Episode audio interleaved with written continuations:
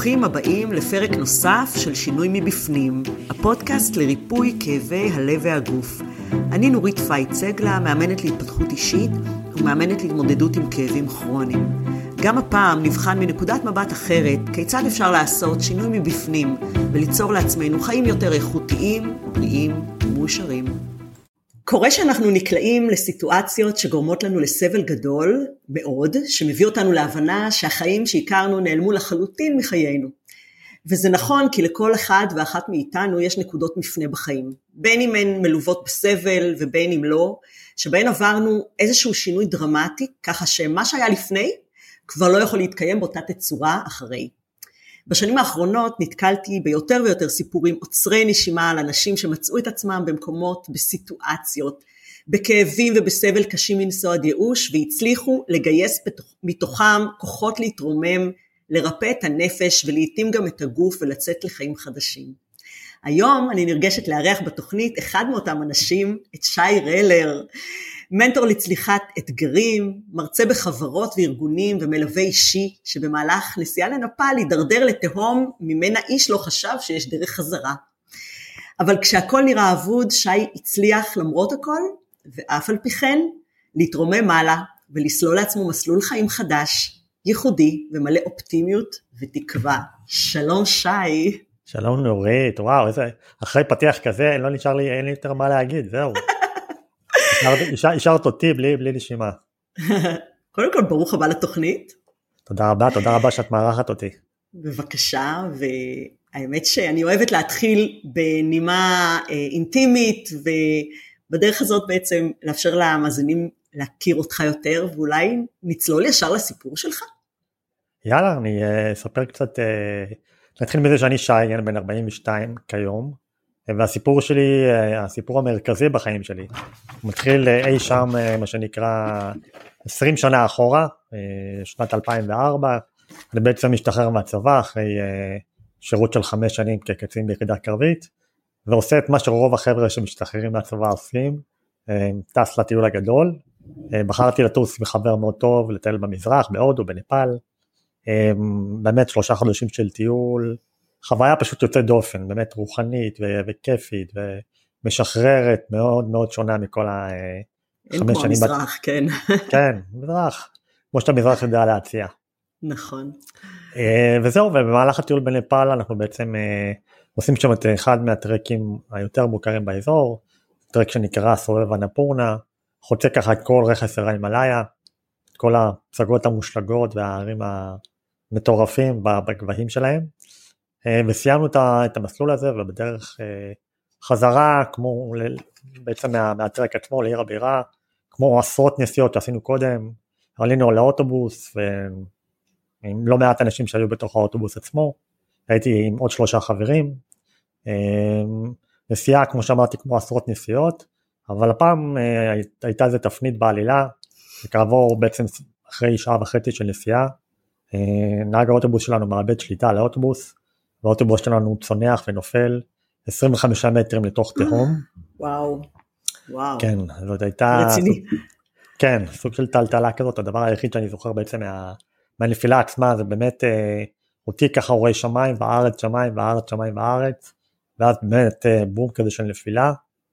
אה, ומרגע הזה בעצם החיים שלי קיבלו תפנית, אה, מה שנקרא, בחמש שניות, שזה בערך הזמן שלקח לאוט, לאוטובוס להגיע מהפסגה מה, לתהום, אה, כי בעצם כתוצאה בעצם מהתאונה הזאת קיבלתי מכה מאוד חזקה בצוואר וקיבלתי מכה מאוד, מאוד חזקה בראש, התקשיתי מאוד מאוד לנשום, למזלי הגדול, אה, חברים שהיו איתי הם אלה שיכלו בעצם להתחיל ולחלץ אותי מאזור התאונה, אני מדבר איתך על 2004 אז כמעט אה, לא, לא היו אז טלפונים סלולריים ואפשר היה נכון. להזעיק עזרה או ליצור קשר עם מישהו, מה גם שלא ממש ידענו איפה אנחנו נמצאים. החברים אה, בעצם לא נפגעו? הם יכלו לעזור לך כי הם לא נפגעו? או... הם נפגעו, ב, הם נפגעו בפגיעות אה, יחסית קלות, אה, כאלה מכות. יבשות כאלה, אבל זה היה מספיק כדי שהם יוכלו לתפקד כדי לחלץ אותי, ממש למשוך אותי מהאוטובוס, להעלות אותי במעלה ההר ולהתחיל את דרכנו לכיוון בית חולים, שבשלב הזה אין לנו מושג איפה אנחנו נמצאים, ופשוט אנחנו לוקחים טרמפים, עוצרים טרמפים כדי להגיע כמה שיותר מהר לבית חולים, אני במהלך כל הנסיעה, כל התהליך הזה, כל העניין הזה, עד שהגענו לבית חולים לקח לנו בערך אה, שלוש שעות, שבמהלך כל הזמן הזה אני, אני בהכרה מלאה, אני ממש זוכר את כל מה שקרה שם. אה, אני ממש זוכר את אחד מהחברים מנשים אותי כל הדרך מהתאונה לבית החולים. זה די מדהים שאתה ממש זוכר את הדברים הללו שבבהירות כזאת.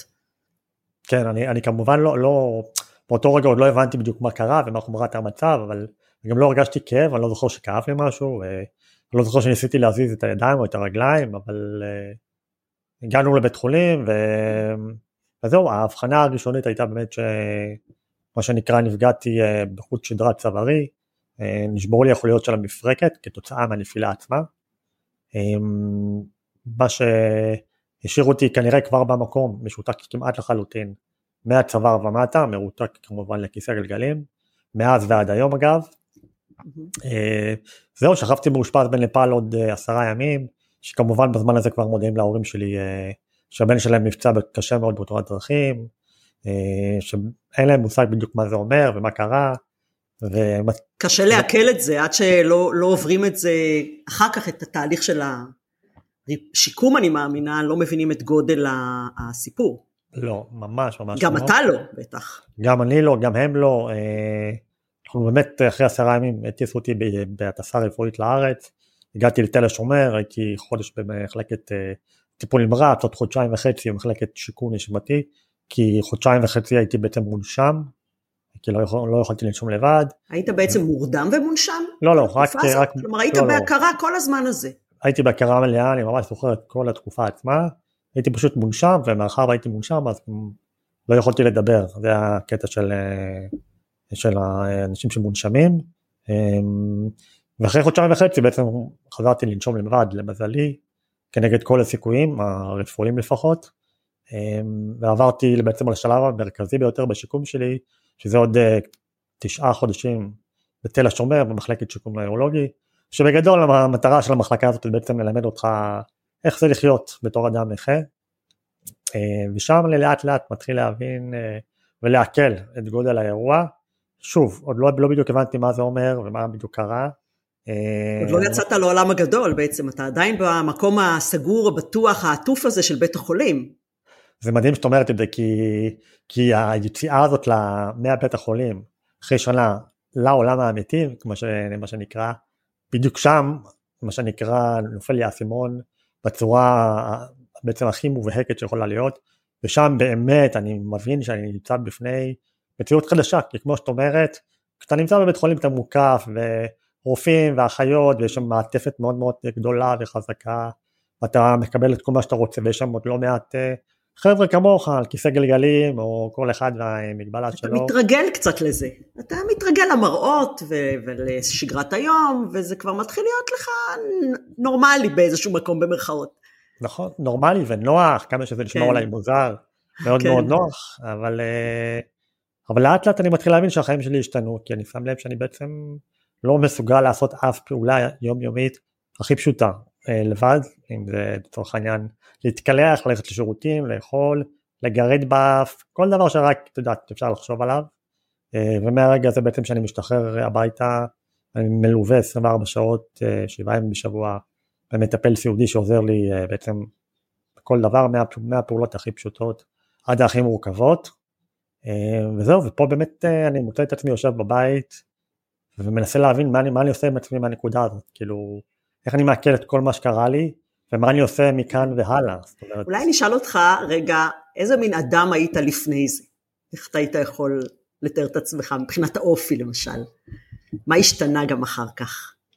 אז אה, איזה בן אדם הייתי לפני, האמת שאני לא, לא כל כך זוכר את עצמי לפני, זה קטע מצחיק, כאילו עברו 20 שנה אבל אני לא זוכר את עצמי, הייתי, אני זוכר שהייתי בחור ביישן, הייתי, תמיד היה לי חוש הומור, תמיד אהבתי כאילו לספר בדיחות, להתלוצץ, לקחת את הדברים בצורה קצת יותר אה, קלילה, אבל הייתי מאוד מאוד ביישן. אה, שאולי זה חלק מה, דרך אגב, הקלילות וההומור זה חלק ממה שבעצם, היו חלק מהמשאבים שעזרו לך אחר כך.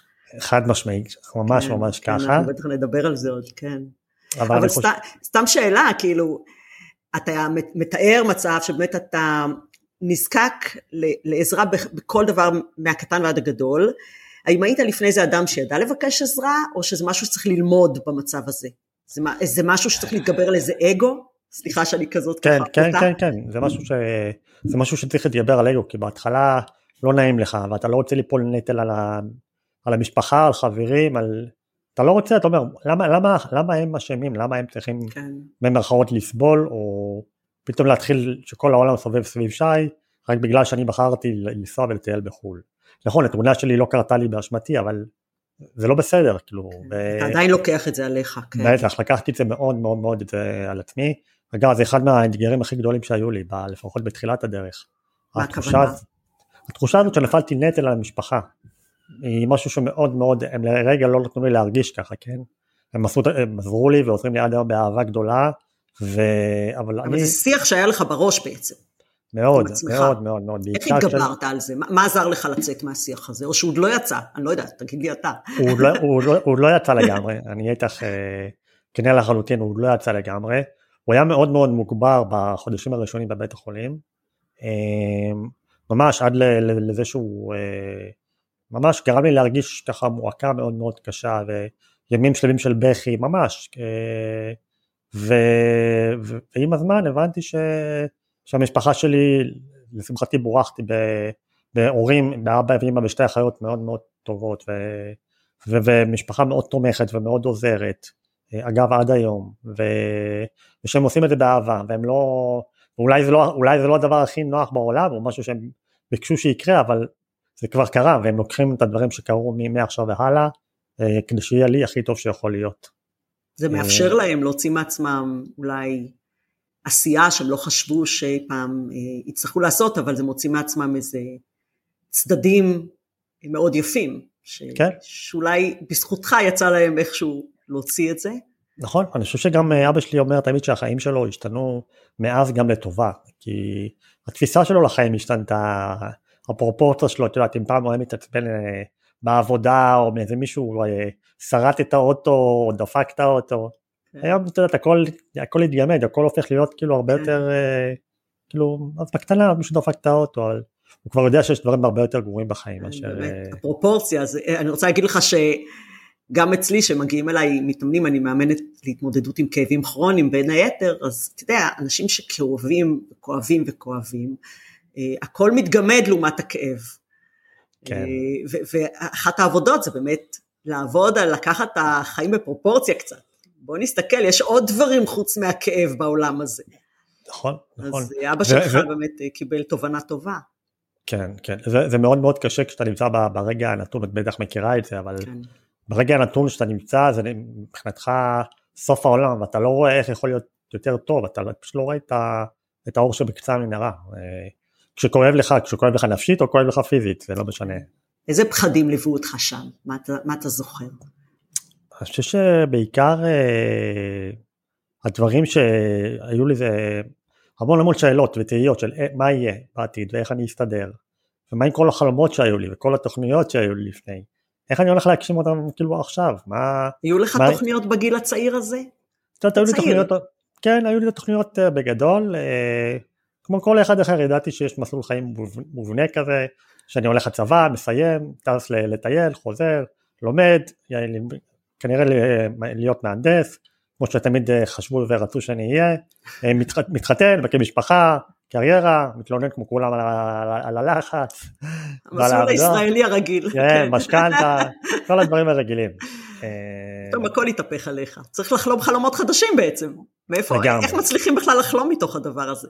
לא מצליחים בשלב הראשון לחלום בכלל. כלום, אני מחזיר אותנו לאותו יום שאני יושב בבית, יום אחד אחרי שחזרתי מבית חולים, ופתאום אני נזכר בדיוק שלושה חודשים לפני, רץ ככה על פסגות בנפאל עם כל החלומות וכל האנרגיה שהייתה לי, ופתאום החלומות האלה והאנרגיה הזאת נראו לי כל כך כל כך רחוקים, ופשוט לא היה לי מושג מה אני עושה, איך אני עושה, מה אני, מה אני בכלל רוצה שיקרה. אה, ומאיפה אני אביא את הכוחות לזה בכלל, באמת, פשוט לא היה לי מושג. אבל היה לי ברור דבר אחד, זה שאני חייב לקחת לעצמי קצת זמן כדי לארגן את המחשבות, ומה שנקרא לחשב מסלול מחדש. הייתה לך עזרה באותה תקופה מבחינה רגשית? כלומר, מישהו ליווה אותך במחשבות האלה, או שזה היה אימא, אבא, או שכדאי מאוד uh, להיעזר במישהו מקצועי לדעתך? אז זהו, אז בעיקר עזרו לי באמת המשפחה, אמא ואבא, שאני תמיד תמיד תמיד הרגשתי בנוח לשתף אותם בכל דבר עד היום. גם לפני התאונה. גם לפני התאונה, וזה התחזק עוד יותר אחרי התאונה עצמה, אותו דבר גם עם שתי האחיות שלי, וכשהייתי בבית חולים, כחלק מסל השיקום, מהפיזיותרפיה והריפוי בעיסוק וכל הטיפולים, הם מאפשרים בעצם למטופלים להיפגש גם עם פסיכולוג. פגישה שבועית עם פסיכולוג, ואני בהתחלה הייתי נורא נורא נגד, אמרתי עזבו זה לא בשבילי, אני לא משוגע, אני לא צריך, הכל בסדר. היה לי מעין קונספציה כזאת. איזה סטיגמה יש על זה, תראה מה. ממש, הייתה לי כן. סטיגמה בראש, שאני לא משוגע ורק אנשים משוגעים הולכים לפסיכולוג. וככה באמת כל הזמן פמפמו לי את זה, וממש איזה חודשים ספורים לפני שהשתחררתי מבית חולים, התחושה של הנטל הזה שנפלתי על המשפחה חנקה אותי ואמרתי די אני חייב לדבר עם מישהו שהוא בלתי תלוי ואמרתי כן. טוב יאללה כן. בוא ניפגש עם פסיכולוג ואני יכול להגיד לך שזה אחד הדברים הכי טובים שקרו לי בחיים שלי. Uh, באמת זה נתן לי כל כך הרבה אוויר. פתאום יכולתי לדבר עם בן אדם שהוא בלתי תלוי ו... ולהרגיש חופשי ו... ובעצם לדבר על כל דבר ועל כולם. לא רק בלתי תלוי, אלא גם מישהו שבאמת מקצועי, ושואל נכון. את השאלות המקצועיות, והוא בצורה ניטרלית מכוון אותך להבין דברים בתוכך, כי ההורים בכל זאת הם מוטים, והם רוצים תמיד את טובתך, והם ינסו למצוא לך פתרונות, אה, גם אם אתה לא ביקשת, אתה יודע, כי זה מהותה, מהות להיות ההורים, אבל באמת הפסיכולוג, או אתה אפילו כמנטור אני מאמינה, שזה מה שאתה עוזר לאנשים אחרים גם היום, מתוך נכון. הניסיון שלך, אה, בעצם עוזר לכוון ולהדריך את האנשים למצוא את הפתרון מתוכם. נכון, נכון, נכון. אה, בגלל זה אני תמיד אומר לאנשים, תעזרו כמה שיותר במישהו, זה יכול להיות איש מקצוע, זה יכול להיות, זה יכול להיות אה, לצורך העניין, כל אחד במה שמרגיש לו נכון. כן. אה, פסיכולוג, מישהו שלמד NLP, קואוצ'ר, בן משפחה, חבר, אולי תשלבו כמה דברים ביחד. השיתוף נכון. הזה הוא בעיניי, באמת, באמת, נשמע אולי גדול, אבל הוא פשוט מציל חיים, ממש ממש ככה. אמ, לקבל את ההכוונה, דבר ראשון לפרוק, לשחרר קיטור, זה משהו שהוא, אפשר להיחנק איתו בפנים, הכאב הזה והצער וה, וה, והתסכול, אז דבר ראשון אתה משחרר, אז כבר, כבר פתרת בעיה אחת, ודבר שני, נכון. כמו שאת אומרת, אתה מדבר עם אנשים מקצועיים, הם יודעים מה לעשות, הם יודעים איך להנחות, יש להם את הכלים לעזור לך, אז, אז למה לא? האמת היא שלשחרר קיטור לא תמיד נעים גם ליד המשפחה, במיוחד נכון. לאור המשפטים שאמרת בהתחלה מקודם, שהרגשת נטל ולא רצית לפגוע בהם מעבר ולגרום להם סבל מעבר למה שהם כבר אה, סובלים, אז עוד לשחרר קיטור. נכון. אה, זה כל כך לא נעים, זה כל כך מתנגש עם זה, שבאמת הבן אדם הנור... הניטרלי הזה, זה אולי באמת המקום הבטוח לעשות את זה. כן, ממש ממש ככה, זה... ככה זה בדיוק הרגיש לי, כאילו זה היה הבחירה הכי טובה שעשיתי במהלך התקופה הזאתי. ומאז חזרתי בעצם לשם uh, עוד כמה פעמים, זאת אומרת לטיפול פסיכולוגי, בתקופות בחיים שהרגשתי שאני צריך, כי, כן. כי, זכ, כי זכרתי את החוויה הטובה שזה, שהייתה לי בעצם. אה, ומאז אני ממליץ, כן. זהו, מאז אני ממליץ באמת לכל מי שרק שואל אותי ולא שואל אותי על, אה, על טיפול כזה ואחר. אז בעצם השתחררת מבית החולים, נולדת מחדש לתוך החיים האמיתיים, כמו שאומרים, כן. ובשלב מסוים היית צריך להתחיל להרים את עצמך, לא? כן, הייתי צריך להרים את עצמי, זאת אומרת, אה, להבין מה אני עושה, זאת אומרת, חוץ מלקום בבוקר, ואולי לבהות בטלוויזיה, להבין מה, מה אני עושה מעכשיו והלאה. איך מתחילים את החשיבה הזאת? מאיפה זה מתחיל? זה מתחיל פשוט מבפנים, מתוך תוכי, מהרצון אה, להבין לאט לאט שמה שהיה היה, וכנראה שהוא לא הולך להשתנות בזמן הקרוב. אה, קבלה עצמית כזאת. קבלה עצמית, קבלה עצמית, אה, וקבלה אחרי תקופה של שנה ו, תקופה שכבר הספקתי להתאבל ולבכות ולכעוס. כל עקומת האבל, ככה ממש, כן. כל השלבים, עד לשלב שאתה אומר אוקיי, זהו, זאת הסיטואציה, ובוא נראה מה אני עושה, עם כל מה שקרה עד עכשיו, איך אני לוקח את זה למקום שהוא יעשה לי טוב, כאילו אני עוד בחור צעיר, אני כאילו, יש לי עוד הרבה מה לתת, הרבה מה לקבל, אז יאללה, בואו נראה רגע איך אני לוקח את כל מה שקרה ומוציא ממנו את הכי טוב שאני יכול. אגב, אחד מהדברים שמלווים אותי מהיום הראשון שאבא שלי פגשתי עוד בבית חולים בנפאל, אני לא, לא אשכח את זה, הוא אמר לי, תשמע שי מהרגע הזה, אתה לומד לעשות מהלימון לימונדה. אתה תיקח את כל מה שקרה לך, ואתה תוציא את הכי טוב שאתה יכול. איך ו... אתה ממנף את זה למקום אחר. ממש, לא, אין. מה שקרה קרה כבר, אתה לא יכול להחזיר את זה אחורה. אה, אל תשאל למה זה קרה, תשאל למה זה קרה. כן. זהו, פשוט מאוד. זו שאלה קשה לשאול בהתחלה, כשעוד הכל כואב, אחרי שנה וחצי, אולי כבר אפשר כן. להיפתח לשאלה הזאת. נכון, ממש, כן, כן, כן זה תהליך ש... שצריך לעבור אותו, זה לא, לא ביום ולא ביומיים, ו... וזהו, התחלתי באמת אה, לחשוב מה אני עושה מפה הלאה, זאת אומרת, אמרתי אוקיי, אני יושב בבית, בוא נראה רגע איך אני יכול לתקשר עם, ה... עם העולם מבחוץ, ליצור קשר, לראות איך, אני יכול לגלגל איזה מהלך כזה או אחר, ואז אמרתי טוב, בוא נראה מה, יושב בבית, בוא נרגע ננסה להפעיל מחשב, אינטרנט, אולי לתקשר עם אנשים, אז באמת אה, ניסיתי להפעיל מחשב, לא כל כך הצלחתי, כי המגבלה שלי יחסית מגבלה מבחינה פיזית מאוד מאוד גדולה. אבל היום יש עזרים, היום יש כל מיני אה, אפשרויות נכון. שיכולות לעזור. אז התחלנו לברר אביזרים ועניינים ופה ושם, ובאמת איכשהו הצלחתי בסופו של דבר להפעיל מחשב, עם מחבר רגיל לגמרי, הנה אנחנו יכול... מדברים, נכון? והנה אנחנו מדברים דרך מחשב. ו... כן, ואני יושב פה לבד, ואין כן. פה אף אחד איתי כרגע, ו... והיכולת הזאת פתחה לי עולם ומלואו, יכולתי להתחיל לתקשר עם אנשים, ו... ו... ואימיילים, ו... ו... ו... ואינטרנט וכולי, ו... מתי הבנת, מתי הבנת שהשליחות שלך, נראה לי שזאת השליחות שלך, זה לעזור לאנשים אה, באמת לצלוח אתגרים. קטנים, גדולים, אתה יודע, כל אחד והאתגר שלו, אבל מתי הבנת שזאת השליחות שלך ולא לעשות משהו הנדסי למשל? כן. בכל זאת הראש עובד, זה לא שהראש הפסיק לעבוד. כן, כן, זהו, אני חושב שהגעתי להבנה הזאתי, אה, כעבור, אז מאז הפציעה בערך, כעבור עשר שנים אחרי הפציעה, אה, כי הייתי צריך, כן, כן, כי הייתי צריך לעבור כמה דברים בעצמי, אה, אבל מה אני מדבר, הייתי, ככה אספר ממש ב, ב, ב, ב, בזריזות, באמת כשחיפשתי מה לעשות, הקשרתי עם העולם, ואז התחלתי לעשות אה, תואר ראשון, שזה היה, את יודעת, אתגר בפני עצמו, כי אני בעצם לא, לא מסוגל לכתוב, סיימתי תואר ראשון בכלכלה בהצטיינות. איך עושים דבר... את זה? לאלה שאולי רוצים לדעת, איך עושים את זה? ב... את מג... אתה מגיע לקמפוס, אתה... הגעתי, היה לי חשוב מאוד להגיע לקמפוס, להגיע פיזית לקמפוס, כן. אה, אה, זה, מבחינתי זה היה באמת אה, לצאת מאזור הנוחות, בקטע הכי, הכי מפחיד שיכול להיות. פתאום לצאת לעולם, לראות מלא חבר'ה צעירים שהם כולם שונים, אני, לא כולם שונים, אני שונה, הם, רגיל, הם כביכול רגילים, כן, כן כביכול רגילים. אה, ליצור ואני... חברים חדשים שיקבלו אותך כמו שאתה. אה, אה. כי הם לא מכירים את שי לפני, הם מכירים את שי אחרי, אחרי התאונה.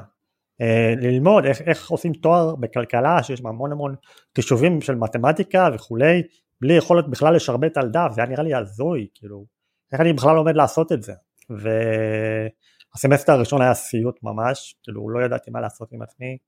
כל סטודנט זה סיוט, אני יכולה להגיד לך, אז לך פי שתיים, אבל... כן, כן אבל אה, לשמחתי... כן, לשמחתי, את יודעת, זה, זה, זה שוב, זה שילוב של כמה דברים שהסתדרו ביחד, וגם עשיתי את שני התארים במרכז האקדמי רופין שקיבל אותי מהרגע הראשון בזרועות פתוחות ועשה את כל מה שרק אה, הוא יכל כדי שבאמת אה, יהיה לי טוב ושאני אסתדר, וחברים לכיתה שעשו הכל, וחונכת ש... שהוצמדה לי, שאגב זה קטע מצחיק כי אותה פגשתי לפני זה בהודו, טיינו ביחד בהודו, ואחר כך במקרה פגשתי אותה במכללה ביום הראשון ללימודים, ומהרגע הזה הייתה חונכת האישית שלי, ואנחנו בקשר טוב מאוד עד היום. אז היא בעצם כן הכירה אותך לפני. היא בעצם כן הכירה אותי, נכון, כן, נכון. אז היה איזה משהו, חיבור קצת אחר. כן, ו...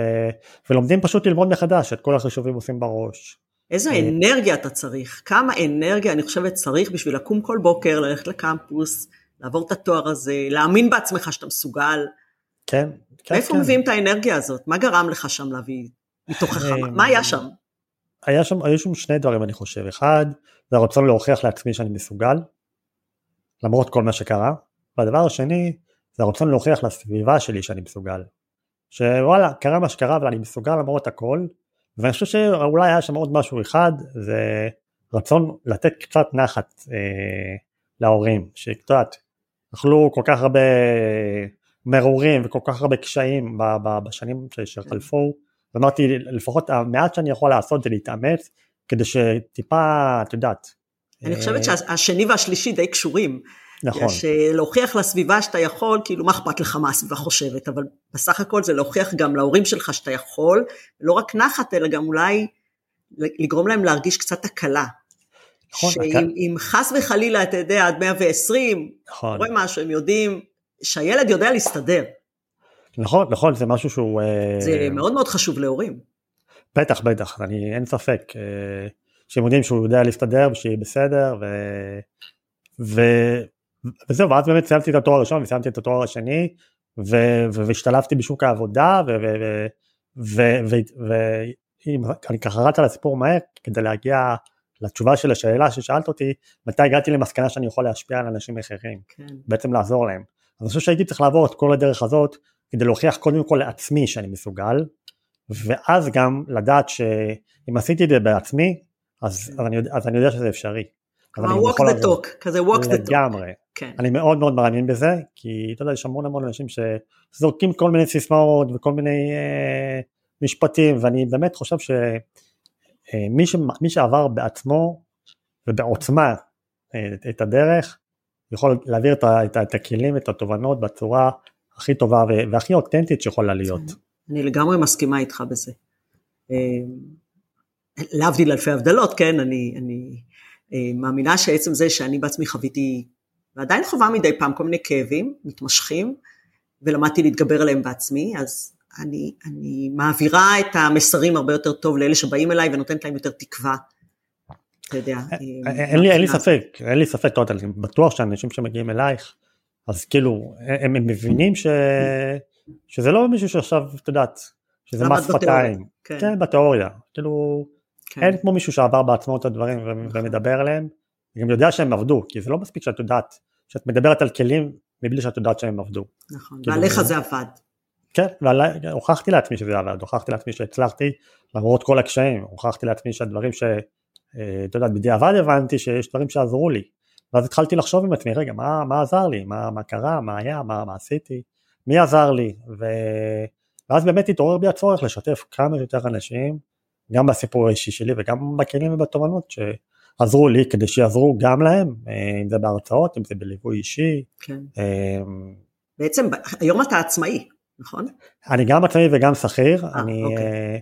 עובד בתור אנליסט נתונים בחברת תקשורת, בסלקום, ואני משלב את זה יחד באמת עם העשייה שלי, שהיא באמת הרצאות וסוג של מנטורינג. איזה, איזה, ככה סתם אני סקרנית לדעת, כשמגיעים אליך אה, אנשים, לקבל, אה, אני לא יודעת, זה ייעוץ, זה, מה, מה אתה בדיוק, אה, כן, זה, סוג זה, של ייעוץ? זה סוג של ייעוץ. אה, מגיעים, תראי, מגיעים אנשים אליי, מגיעים אליי אנשים עם מגבלה, בלי מגבלה, אנשים שתקועים בשלב כזה בחיים שלהם, למה הכוונה? זה יכול להיות בעיה עם איזה זוגיות, בעיה עם מעבר קריירה, או סתם איזה קושי שיש להם לא סתם, זה קושי אחר שיש להם בחיים, וצריכים את, ה, את הפוש הזה, את ה... טיפה רגע מישהו שייתן להם זום אאוט על החיים, וייתן להם אולי טיפה כלים כאילו שיכולים אה, אה, לשנות, את יודעת, הלך רוח, mindset. אני לא, את יודעת, לא, אני לא פסיכולוג ולא פסיכיאטר, ולא מתיימר להיות, אני בן אדם שעבר משהו בחיים שלו, רכשתי את הכלים האלה, למדתי גם NLP, אז יש לי גם את הכלים של עולם ה-NLP, ומהשילוב של הדברים האלה אני... כן. אני רוצה לעזור לאנשים אחרים. אז זה בעצם נורא חשוב, כי אתה אומר ש, ש, שמגיעים אליך אנשים לאו דווקא עם מוגבלות פיזית. לא, כלומר, ממש לא. הכלים שאתה מצאת שעזרו לך, והשיטה שאתה פיתחת, או הגישה שלך לחיים, שאתה מנסה להעביר אותה הלאה, היא, היא, היא רלוונטית לכל אדם שמרגיש שהוא עומד עכשיו בפני איזשהו אתגר, איזשהו קושי, אה, כמו שאמרת, בכל מיני מקומות, זה יכול להיות קריירה, מערכות יחסים אה, אה, בינו לבין עצמו, אה, כאבים, לא יודעת מה, מגבלה פיזית כמובן, כל דבר, ו, ו, ואיזה למשל, מה לדעתך הכלי הכי חשוב שאתה קודם כל מנסה להעביר לאנשים? המסר הכי ש... חשוב. אני חושב שהמסר הכי חשוב, אה, קודם כל זה שבאמת, זה, זה בחירה שלנו, מה לעשות עם כל מה ש... שוב, אין, אין לנו יכולת לבחור מה, מה קורה לנו בחיים, לרוב, אבל כן יש לנו יכולת לבחור מה אנחנו עושים עם זה. וקצת כשאני אומר את זה בפעם הראשונה לאנשים זה עובר, זה עובר לאנשים לא חלק בגרון כי אנשים אומרים אני לא בוחר uh, להיות מבואס, אני לא בוחר uh, לא לאהוב את עצמי או איך שאני נראה. אז איך אתה מסביר להם את זה? איך אתה אז, אז אני, אז, אז, אז, אז אני מנסה להיות מאוד מאוד עדין, אבל בסופו של דבר להעביר להם שזה כן בחירה שלהם, זאת כן בחירה שלהם. זה, זה, טוב, זה אולי לא, לא עובר חלק, אבל בסופו של דבר גם הייתה בחירה שלי, אני עמדה בפניי בחירה, לשבת בבית יום אחרי שחזרתי מבית החולים, ולהיכנס למיטה ולא לא לצאת משם ולהתבאס, ולהגיד כמה החיים האלה הם לא, לא פיירים ולא טובים ולא בסדר. להתקרבן, להתקרבן כן. באיזשהו מקום. ויכולתי להישאר שם מאז ועד היום, כעבור 20 שנה. אבל בחרתי לא לעשות את זה. זה, זה, זה בחירה מודעת לחלוטין, זאת אומרת, זו בחירה מודעת, שוב, לא עשיתי את זה לבד, נעזרתי באנשי מקצוע ומשפחה, כן. וחברים, וכלים כאלה ואחרים. כלומר, אבל... מה שאתה אומר, נכון, אז מה שאתה אומר בעצם זה שגם אה, סוג מסוים של מחשבות, וסוג מסוים, מסוים של mindset, ורגשות, זה בסדר שזה עולה, אבל יש לנו את היכולת לבחור איך לשנות את זה. לגמרי, נכון. זה נורמלי ובא... שיש רגשות ומחשבות, אה, לא תמיד הפי הפי, ג'וי ג'וי, אתה יודע, אבל אה, יש לנו את היכולת ואת הכלים ואת המסוגלות ואת הבחירה, כמו שאתה אומר, להגיד, אוקיי, אז זה מה שעלה, בוא נראה איך אנחנו משנים את זה. כן, שוב, זה לא תמיד קל, זה לא תמיד פשוט. ברור שלא, זה תרגול. אה, נכון, זה תרגול וזו דרך, וגם אני, אתה יודע, עכשיו אנחנו מדברים ואני נשמע כאילו סבבה והכל, אני כמו כל אחד אחר, יש לי ימים ש... ימים קשים ולא טובים ובאסה ואין לי כוח לקום מהמיטה ודברים עוברים עליי והחיים עוברים עליי כמו, כמו שהם עוברים על כל אחד אחר אה, אבל ואני, ואני עדיין עובר תהליך זאת אומרת התהליך שלי לא נגמר אני לומד עדיין כלים ו- ו- ומלמד את עצמי כל הזמן דברים ו- ועושה קורסים ורואה הרצאות ומעשיר את עצמי בתכנים שבאמת יוכלו לעזור לי אה, אבל כן ברגע שאנחנו מבינים שיש לנו יכולת לבחור בעיניי כבר פתרנו 50% מהבעיה איך בוחרים מה חשוב ומה פחות חשוב? איך, אה, איך מחליטים להתנהל בדבר הזה? אז אני חושב שזה הרבה ניסוי וטעייה, אבל בסופו של דבר אני חושב שאנחנו צריכים להתמקד בעיקר בדברים שבאמת יש לנו יכולת לשלוט עליהם. כי לצערנו יש הרבה דברים שאין לנו יכולת לשלוט עליהם. נכון. אה, ולפעמים קצת קשה להבין את זה, גם לי דרך אגב. לפעמים טוט אני נמצא במשהו ואני מתעקש ונלחם ואני אומר רגע רגע תעצור שנייה יש לך באמת יכולת לשנות את זה אם אין לך יכולת לשנות את זה תשחרר את זה נכון. תבזבז במירכאות את האנרגיה שלך בדברים ש, שכן יש לך יכולת לשנות ו, ו, ו, ו, ו, ולהשפיע עליהם. אני כל כך מאמינה בזה שאנשים צריכים ללמוד אה, מה בשליטתם ומה לא בשליטתם. זה גם כן, זה חלק מהחמישים אחוז הזה שהם, שהם צריכים אה, ללמוד ישר על ההתחלה לדעתי. כן, כן, כי יש המון דברים שלצערנו הם פשוט לא בשליטה שלנו, את יודעת, אבל... אה, ואתה יודע מה, הייתי מוסיפה עוד משהו. מה? דיברת על בחירה, ואני תמיד מזכירה גם למתאמנים שבכל בחירה גם, אה, כל רגע, קודם כל, כל רגע בחיים זה בחירה, אתה בוחר כל רגע ורגע מה אתה עושה בו, גם אם לא בצורה תמיד מודעת, אבל לכל בחירה יש גם מחירים ויש רווחים. וצריך לקחת את זה בחשבון, לא להתבאס על זה שאולי הבחירה שבחרנו לא הייתה בדיוק מוצלחת, או הביאה לנו את השביעות רצון שרצינו, אתה יודע. בוא, מה אפשר ללמוד מזה? בוא נראה מה אפשר ללמוד מזה. או, זאת שאלה חשובה, נכון, זאת שאלה חשובה, כן. כי היכולת ללמוד מכל דבר כזה היא בעיניי אה, מעלה עניונה, כי אם אנחנו לא לומדים מכל דבר כזה, אז, אז, אז מה עשינו בעצם? אנחנו סתם, אה, אנחנו כנראה נחזור על אותה טעות עוד פעם ועוד פעם ועוד פעם נכון. ועוד פעם. זה קצת מזכיר לי שאבא שלך אמר לך, כאילו בעצם במילים אה, כאלה ואחרות ש, שיש לך מה ללמוד מזה. כן, כן, ולמדתי מזה המון, אני עדיין לומד מזה המון, אבל... מה למשל? אני סקרנית, מה למשל למדת מה... למדתי על עצמי, על עצמי המון. אם שאלת אותי מקודם איזה בן אדם הייתי לפני, אז אני חושב שאני בן אדם, לא יודע אם שונה לחלוטין, אבל שונה מאוד ממה שהייתי לפני, כי אני היום יכול להגיד על עצמי, אה, שאני בן אדם הרבה יותר רגיש לעצמי ולסביבה ממה שהייתי לפני. אה, מה זאת אומרת? תיתן לי דוגמה, מה זה נקרא רגיש? ל... זאת אומרת שאני יכול, אה, אני יותר שם לב לפרצופים של אנשים, למה, אני יכול להסתכל על בן אדם ובגדול להבין שהוא במצוקה כלשהי, או שעובר עליו משהו. ופעם לא, פשוט לא הייתי מסתכל על הפרצופים של אנשים, אולי זה לא כל כך עניין אותי, או לא, אבל היום אני יכול לעבור ברחוב ולהסתכל על אנשים ואני יכול לראות שבן אדם חווה משהו או משהו לא וואו. לא טוב, אני לפעמים גם אגש ואשאל אותו אם הכל בסדר, ואם יש משהו שאני יכול לעזור, זה משהו שמאוד מאוד התחדד אצלי מתוך המצוקה האישית שלי.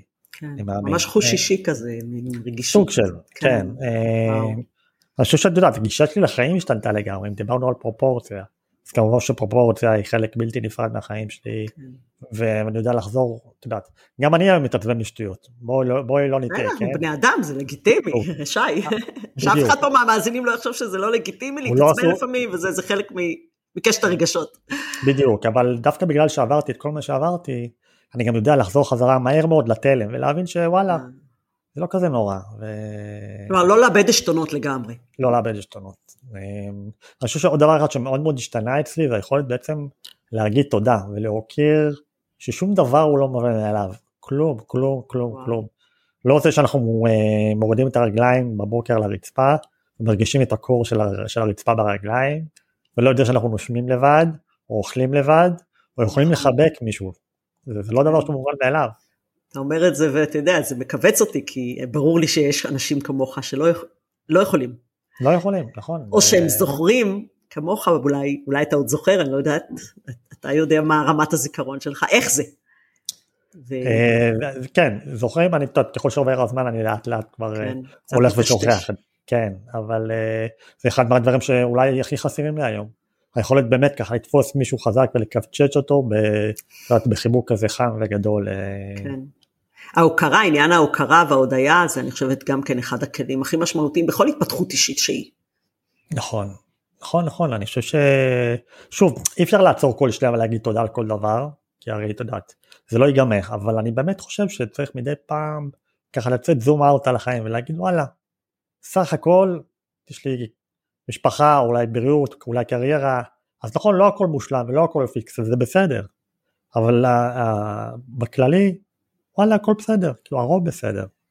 אני אפילו, אה. אנשים שקשה להם, כי רובנו אף פעם לא חשבנו לעצור רגע ולהגיד תודה בצורה מודעת.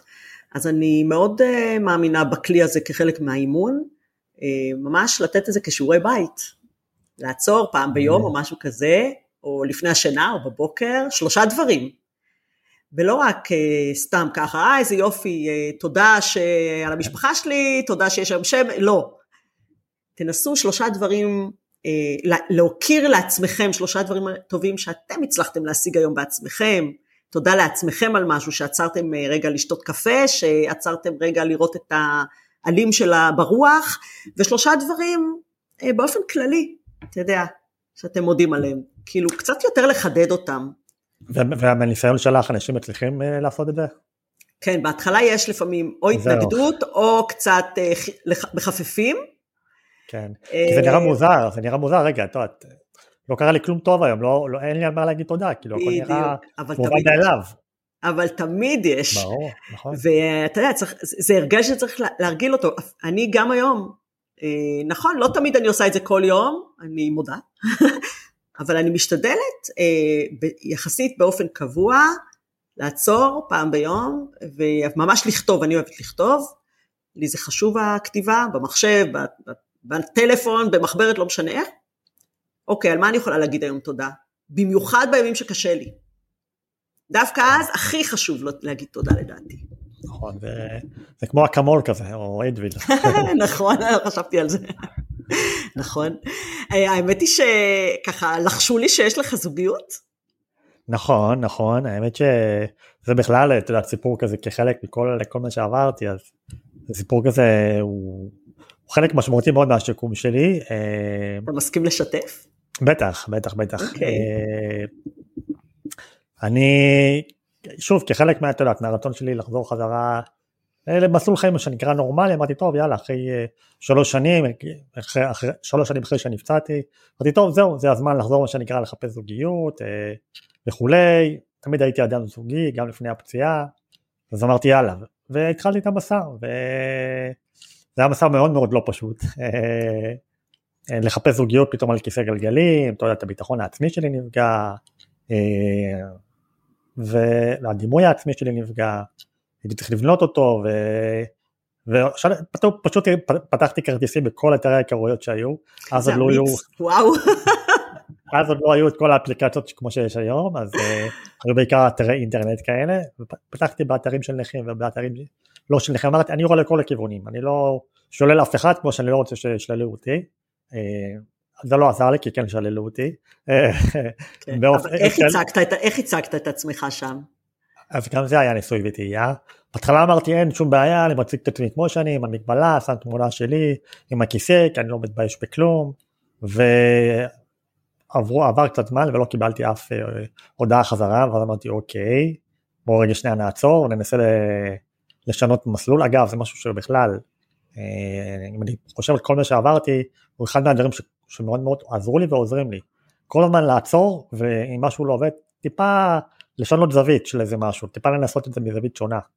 אה, ולשכלל את זה, כמו שאמרנו, ללמוד כל הזמן. איך אתה יודע מתי לעצור, איך אתה יודע שאוקיי, הגעתי לנקודה הסופית וכאן עכשיו אני צריך לעשות חישוב מחדש. אז מה אומר לך את זה? זה בעיקר פרמטר של זמן, אם אני רואה שנגיד, אה, mm. אני שולח, שלחתי המון המון הודעות להמון המון בחורות, אה, ואני מדבר איתך בעשרות, או אולי אפילו מאות, ולא קיבלתי הודעה, כנראה שיש פה איזה משהו ואני צריך שנייה לעצור, ואז ניסיתי באמת לשכלל את המנגנון, ושמתי תמונה שלי מהכתפיים ומעלה, בלי כיסא גלגלים. התחלתי לקבל קצת יותר uh, תגובות חזרה. קצת שיחות טלפון, ואולי אפילו איזה דייט אחד שקבענו. ואתה יודע, זו סיטואציה מאוד מאוד מוזרה, כי פתאום נפגשים ואתה לא, אין, אין, אין, אין פיזיות ואין, אף אחד לא יודע בדיוק מה לעשות ולא מרגישים בנוער ולא מרגישים נעים, ואני, ואני עם אה, מטפל, ו, ו, וזהו, מביך מאוד. ומכל קשר כזה ומערכת יחסים כזאת, אה, ניסיתי ללמוד עוד משהו ועוד משהו, איך מחברים, את יודעת, אהבה וזוגיות ומגבלה, אה, ואני יכול להגיד לך שסמוך מאוד לתקופה שהגעתי למסקנה שבעצם אה, אני לא אמור להיות מושלם, אלא אני אמור להיות שלם עם מי שאני ועם מה שאני. איזה משפט מדהים, כולם שיזכרו את זה. להיות מוש... להיות, לא, לא להיות אה, מושלם, אבל להיות שלם מי שאני ומה שאני. סמוך מאוד לתקופה שהגעתי להבנה הזאתי, נכנסה עידית לחיי, את עידית אה, הכרתי באתר הכרויות בלאבמי, רגיל לחלוטין, אה, שהוביל, התכתבות הובילה לשיחת טלפון שהובילה לפגישה, שלפני הפגישה אמרתי לה חד וחלק שהיא תצטרך לעזור לי לשתות את הבירה שנזמין כי אני לא יכול לשתות לבד, והיא אמרה לי אוקיי, תשמע זה לא כזה מפריע. היית הכי פתוח שאפשר. הייתי הכי, פשוט, הכי פתוח שאפשר, אה, למרות שבתמונה הראשונה שהיא ראתה אותי היא, היא לא ידעה שאני אה, עם מגבלה, כי זאת הייתה תמונה מהכתפיים ומעלה, וגם בהתכתבות הראשונה היא לא, לא ידעה, כי היה לי חשוב שהיא תיתן לי את הצ'אנס, שהיא תכיר את שי, שהיא תהיה שיחת טלפון, שאני אספר לה עליי, שהיא תספר לי עליה, ורק אז, שפשוט לא, לא תבוא עם דעות קדומות. נורא חשוב, כן. וזהו, ולפני שנפגשנו אמרתי אני לא נפגש עם מישהי מבלי שאני מספר לה שאני עדיין במגבלה, כי, זה, כי אני לא עושה כאלה דברים, כי זה לא פייר, וסיפרתי לה והיא אמרה אוקיי, ופגישה הובילה לעוד פגישה שהובילה לעוד פגישה, אמ, אחרי אה, שלוש שנים אה, בעצם מצאתי לה נישואים, אנחנו נישואים כבר שש שנים. וואו, אה, איזה מרגש. וכן, זה, זה גם, זה סוג של עוד משהו. שאלת אותה פעם מה, מה, מה היא חשבה כשהיא נודעה לה לראשונה? היא הייתה בטוחה שאני עובד עליה. והדבר הבא שרץ לה בראש, איך תמיד אני נופלת על כל הבחורים המוזרים האלה. ואחרי זה היא ככה מאוד מאוד התלבטה בינה לבין עצמה אם זה מתאים לה לא מתאים לה. היא גם, היא לא באמת ידעה מה המשמעות של זה ומה זה אומר. כי כל עולם הנכות היה לה זר ולא מוכר, ולא היה לה מושג אבל זה היה, היא אמרה, היית נשמע לי מאוד מאוד מסקרן בשיחה, זאת אומרת, לא, לא ידעתי שיש, כאילו, שיש לך כיסא גלגלים, ואמרתי שזה לא פייר לשאול אותך בגלל שיש לך כיסא גלגלים, כאילו... נכון. זה לא מה שמגדיר אותך, בוא נאמר ככה. לא, זה לא מה שמגדיר אותי. זה באמת צריך להזכיר נכון. את זה פה לכל המאזינים. נכון. המצב הפיזי זה לא מה שמגדיר את הבן אדם, מה שמגדיר אותו זה פה בין האוזניים. ממש, ממש. והחיוך הגדול, והעיניים, והמבט, ויכולת נכון. השיחה. וגם אצלה זה היה הרבה יותר פשוט, היא תמיד אומרת שאצלה כבר, היא מראש ידעה מה היא מקבלת, היא מקבלת על ידן עם מגבלה, עם כיסא גלגלים, יודעת מה אני מסוגל לעשות, מה אני לא מסוגל לעשות. אה, אין הרבה הפתעות לעתיד. לא, לא. כן. אני מאוד אוהבת את המשפט שאמרת, אה, אני, על ה... אני שלם ולא מושלם, וזה גם אה, מחבר אותי למשפט נורא דומה שאני אוהבת להגיד תמיד לכולם, אה, אתם מושלמים בחוסר המושלמות שלכם. ממש. שזה ממש, אותה גברת ושנהדרת. נכון, שזה ממש. שזה ממש משפט uh, חזק. כן, זה, זה קטע, יש, יש כזה קטע, אה, אני חושב, שבתרבות היפנית, שהם, אה, מכירה את זה שיש להם איזה קטע, הם, אה, יש להם בכלל מאוד מאוד, אה, מאוד מאוד אה, אה, אוהבים, ובכלל בהיסטוריה שלהם את כל העניין של הספלי תה וכולי. אה, ממש, לשתות תה. קינצוגי, אתה קטע- מדבר על קינצוגי? בדיוק. כן, אה, אולי תספר למאזינים מה זה, באמת. מה שהם בעצם, אה, יש להם, הם מאוד מאוד מאדירים את תרבות התה ושתיית התה והכלי חרסינה, וקורה לפעמים שמה לעשות, כמו לכל אחד, כשכוס תה או כלי, או כלי חרס נופל ונשבר. והדבר הראשון שאנחנו עושים זה מה? לוקחים את השברים וזורקים אותם לפח. נכון. והיפנים עושים בדיוק את הפוך, הם לוקחים ומחברים חזרה את כלי החרס, רק כשהם עושים את זה, הם מעין כמו תמיסה שעשויה מזהב, ואז זה כאילו הופך את, ה, את הכלי למשהו שהוא אה, אפילו יותר יפה ממה שהיה לפני. עכשיו חוץ מזה שהוא יותר יפה ממה שהיה לפני, זה כל הזמן מבליט להם את העובדה ש, של המשפט שאמרת, שה, שהמושלמות היא בחוסר מושלמות שלנו. כן. אה, כי אתה יודע, המ- המערב מאדירה, פרפקציוניזם, והיוונים בכלל, אה, מאוד האדירו מושלמות נכון. וסיטוט של, של גוף אה, מאוד מאוד שרירי ומאוד מאוד... ו... כמה קשה לחיות בחברה כזאת, ואנחנו חווים את זה על עצמנו כל כך הרבה, ממש. לעמוד בציפיות האלה, בציפיות של החברה ושל הסביבה ושל התרבות ושל עצמנו מעצמנו, ואז כגודל הציפייה כגודל האכזבה. אין דבר כזה מושלם, אי אפשר להגיע למושלמות.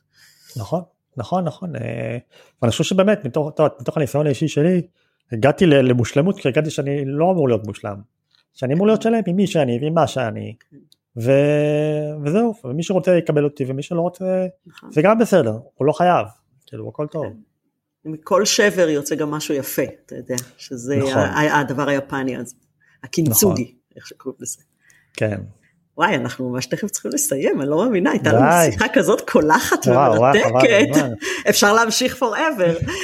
אבל אה, אולי באמת אה, לקראת סיום אתה רוצה איזה משהו, עוד מסר אחד להעביר למאזינים, משהו שהיית רוצה שהם ייקחו מהתוכנית הזאת, ממך, אני חושב שאולי זה שני דברים שקשורים אחד בשני ודיברנו עליהם, דיברנו לפחות על אחד מהם, זה היכולת באמת כל הזמן להתמקד, אה, אתה יודע, אנחנו מוסכים ביום יום במיליון ואחד אלף דברים, והאתגרים וקשיים ו- ו- והיכולת שלנו באמת להתמקד כל, קודם כל במה מה בשליטה שלנו, מה אנחנו יכולים לשנות. אה, זה הדבר מאוד מאוד מאוד חשוב, ואחרי שהבנו במה אנחנו יכולים, אה, מה אנחנו יכולים לשנות, זה לעשות את כל מה שאנחנו יכולים אה, בדרך הכי טובה שיכולה להיות. זאת אומרת לעשות את המיטב שלנו, לדעת שלא משנה מה קרה, אנחנו בשלב מסוים עשינו את הכי טוב שלנו. אה, זה, זה אגב מה שאני מנסה לעשות, זה מה שאני עושה. אני לא, לא תמיד מגיע לאן שאני רוצה להגיע, אבל ברגע שאני מגיע לאן שאני מגיע, גם אם זה לנקודה שרציתי או, או למקום שהוא לא בדיוק איפה שחשבתי שאני אגיע, אני שלם עם עצמי, כי אני יודע שעשיתי את כל מה שביכולתי, השתמשתי בכל המשאבים שקיימים כרגע ועשיתי את הכי טוב שלי. אה, ואני חושב שיש- בזה משהו מאוד מאוד מרגיע ושלב ו... וגורם לך להרגיש שוואלה, יש דברים, לא הכל, לא הכל מושלם כמו שאמרנו, ולא לא תמיד הכל עובד כמו שאנחנו רוצים ולפי התוכניות שלנו, אבל ברגע שאנחנו עושים את המקסימום שלנו, אה, ואת הכי טוב שיכול להיות, אז אנחנו יודעים שלא יכלנו אחרת, כלומר לא יכולנו לעשות זה יותר טוב. נכון, אז, אה, כן. אז להתמקד בעיקר בדברים האלה, ב- בלעשות את הכי טוב ובדברים שבשליטה שלנו. אה, כן, טוב. שי, אני, אני רוצה להודות לך. שהתארחת כאן היום, ששיתפת אותנו בפתיחות בסיפור שלך, בכנות, עם המון, אה, ככה, הקרנת המון אופטימיות ותקווה, ואני בטוחה שהפרק הזה הולך אה, להיות באמת השראה לרבים המאזינים פה, בכל מיני מצבים שהם כן. נמצאים. כאלה שבטוחים שאולי הם נפלו לאיזושהי תהום, שאולי אין ממנה חזרה, או שזה כמעט בלתי אפשרי עכשיו לעשות את זה. אז uh, הנה, uh, הפרק הזה מראה שאפשר, ומותר גם דרך אגב להכניס אופטימיות ותקווה לחיים, גם במצבים אתגרים, זה לא כן. קללה. Um, גם חשוב לי שתדעו שאתם יכולים ליצור קשר עם שי, אנחנו נשאיר את הפרטים שלו בתיאור של הפרק, הוא באמת יכול להעצים אתכם בהרבה נקודות בחיים שלכם, ואני ממליצה בחום לפנות אליו, אז אני אשאיר את הפרטים שלו מתחת לפרק. אמ, אם היה לכם מעניין ואהבתם את הפרק, אז אל תשכחו בבקשה להירשם לפודקאסט, להתעדכן על פרקים חדשים שעולים, וכמובן לדרג את הפרק וככה לעזור לתפוצה שלו ליותר אנשים, ולמסרים שלו לעבור ליותר אנשים, ואתם גם מוזמנים אה, להמשיך ולעקוב אחרי התכנים שלי, דרך הלינקים הנוספים שמצורפים בתיאור של הפרק, ותודה רבה שהאזנתם, ונשתמע בפרק הבא, וביי ביי.